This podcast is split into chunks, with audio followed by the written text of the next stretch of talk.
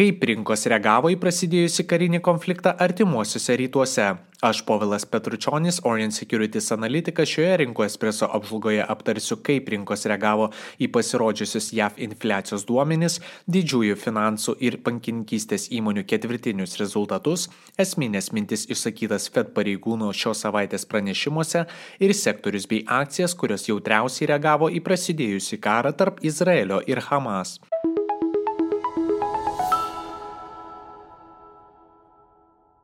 Svarbiausi praėjusios savaitės įvykiai. Junktinės Amerikos valstijos. Besikeičiantis Fed sentimentas dėl palūkanų normos kelimo šiais metais. Šią savaitę pagrindiniai JAV indeksai kilo iki 1 procento, o mažos kapitalizacijos įmonės toliau traukėsi. S&P 500 kilo apie pusę procento, Nasdaq 100 apie 0,15, Dow Jones 30 apie 0,8 procento. Tuo tarpu Russell 2000 krito apie pusantro procento. Šią savaitę buvo sulaukta daug pranešimų iš skirtingų Fed valdybos pareigūnų, kurie išreiškė polinkį galimai nebekelti palūkanų normos per šiuos metus. Pareigūnai akcentavo grėsmės susijusią su augančiais JAV išdo obligacijų pajamingumais. Išleistoje FOMC Minute santraukoje pabrėžiama, jog valdyba turėtų keisti komunikaciją ir vietoj klausimo, kiek dar bus keliama palūkanų norma, pakeisti, kiek ilgai bus laikoma aukštai palūkanų norma. Taip pat šią savaitę buvo sulaukta infliacijos duomenų, kurie daugmaž atitiko ekonomistų lūkesčius. Metinis vartotojų kaino indekso prieaugis siekia 3,7 procento, tai yra 1,1 procento daugiau nei prognozuota.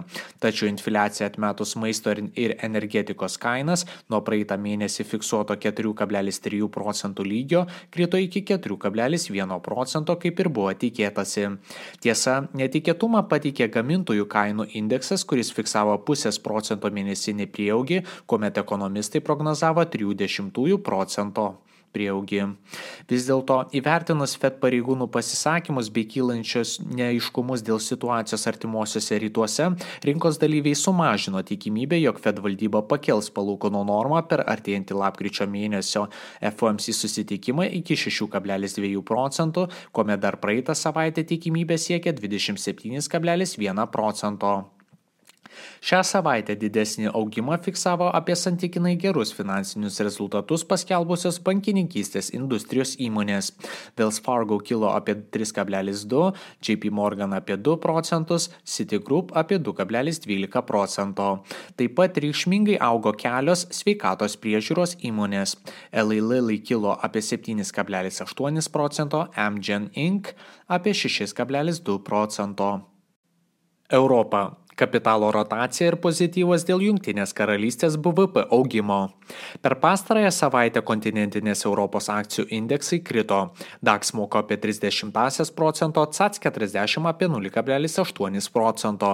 Tuo tarpu Junktinės karalystės FUCI 100 išsiskyrė ir kilo apie 1,4 procento. Šią savaitę Europos rinkos ir buvo reikšmingai paveiktos karo veiksmų artimuosiuose rytuose. Dėl kylančių geopolitinių rizikų pastebėtas kapitalo perėjimas perskirstimas ir judėjimas į saugesnės investicijas. Vokietijos išdo obligacijų pajamingumas per savaitę krito nuo 2,9 procentų iki 2,72 procento lygio. Taip pat Vokietijos ekonomikos ministerija atnaujino savo projekciją, kurioje numato minus 0,4 procento BVP susitraukimą per šiuos metus. Pagrindinės priežastys - aukštos energijos kainos ir silpna paklausa iš užsienio rinkų, ypač Kinijos. Kiek daugiau pozityvo išvelgti atsižvelgta Junktinėje karalystėje, kuri rūpiučio mėnesio duomenimis fiksavo 0,2 procento mėnesinį BVP augimą, kuomet Liepos mėnesį buvo patirtas 0,6 procentų susitraukimas. Tiesa, pramonės produkcijos apimtis smuko minus 0,7 procento, kuomet analitikai tikėjosi 0,2 procento nuosmukio. Per pastarąją savaitę didelį augimą išgyveno Junktinės karalystės naftos ir gamtinių dujų įmonės. Shell kilo apie 5,5 procento, BP PLC net 8,3 procento. Didelį nuosmukį fiksavo apie prastesnius neįtikėtas rezultatus pranešusi Prancūzijos prabangos prekių įmonė LVMH, kuri krito net 9,5 47 procento. Taip pat smuko ir Prancūzijos bankininkystės sektoriaus lyderiai. BNP Paryba krito apie 3,9, Societe General apie 3,92 procento. Azija naujas stimulo paketas Kinijoje ir optimistiškos Japonijos ekonomikos projekcijos. Azijos akcijų rinkos šią savaitę išgyveno santykinai stiprų augimą. Hang Seng kilo beveik 1,9 procento, tuo tarpu Japonijos Nikkei 225 net 4,26 procento. Šią savaitę pasirodžiusi Kinijos infliacija buvo kiek mažesnė nei tikėtasi. Fiksuotas 20 procento mėnesinis prieaugis, kuomet prognozuojamas buvo 30 procento kilimas. Kita vertus pasirodė rugsėjo mėnesio prekybos duomenys, kurie suteikė pozityvumo. Eksportas lyginant su praeitais metais susitraukė 6,2 procento, kuomet tikėtasi buvo 7,6 procentų nuosmukio, o priekybos balansas siekė 77,7 milijardus JAV dolerių, kai prognozuojama buvo 70 milijardų JAV dolerių. Po duomenų pasirodymo Kinijos vyriausybė pranešė apie naują stimulo paketą skirtą infrastruktūros projektams, kurio vertė siektų net 137 milijardus JAV dolerių. Tuo tarpu Japonijoje Tartutinis valiutos fondas atnaujino Japonijos šių metų BVP augimo projekciją, pakeldamas ją nuo 1,4 iki 2 procentų. Taip pat buvo pakelta ir infliacijos prognozė nuo 2,7 iki 3,2 procentų. Šią savaitę Japonijoje augimą fiksavo automobilių pramonės vardai. Toyota kilo apie 4,5 procento, Subaru apie 4,7 procento. Tuo tarpu Kinijoje stiprų kritimą išgyveno elektroninės prekybos įmonė JD.com Inc. smukusi beveik 8 procentus. Populiariausios savaitės antraštės. Konfliktas artimuosiuose rytuose. Įsisubavus kariniam konfliktui tarp Izraelio ir Hamas, rinkos savaitę pradėjo fiksuodamas neigiamą prieaugį. Nuo praeito sekmadienio Izraelio akcijų indeksas TA35 jau nukrito apie 9,76 procento. Vis dėlto reikšmingai kilo gynybos ir energetikos sektoriai. Gynybos sektoriaus įmonės įtraukiantis SPDR SMP Aerospace and Defense ETF fondas per savaitę augo 4,14 procento.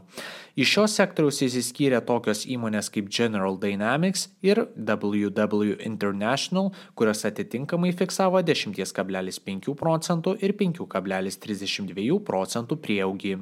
Į pašokusias naftos kainas ir augantį atšaukiamų skrydžių dėl terorizmo atakų grėsmių skaičių neigiamai reagavo kelionių bendrovių ir aviacijos įmonių akcijos.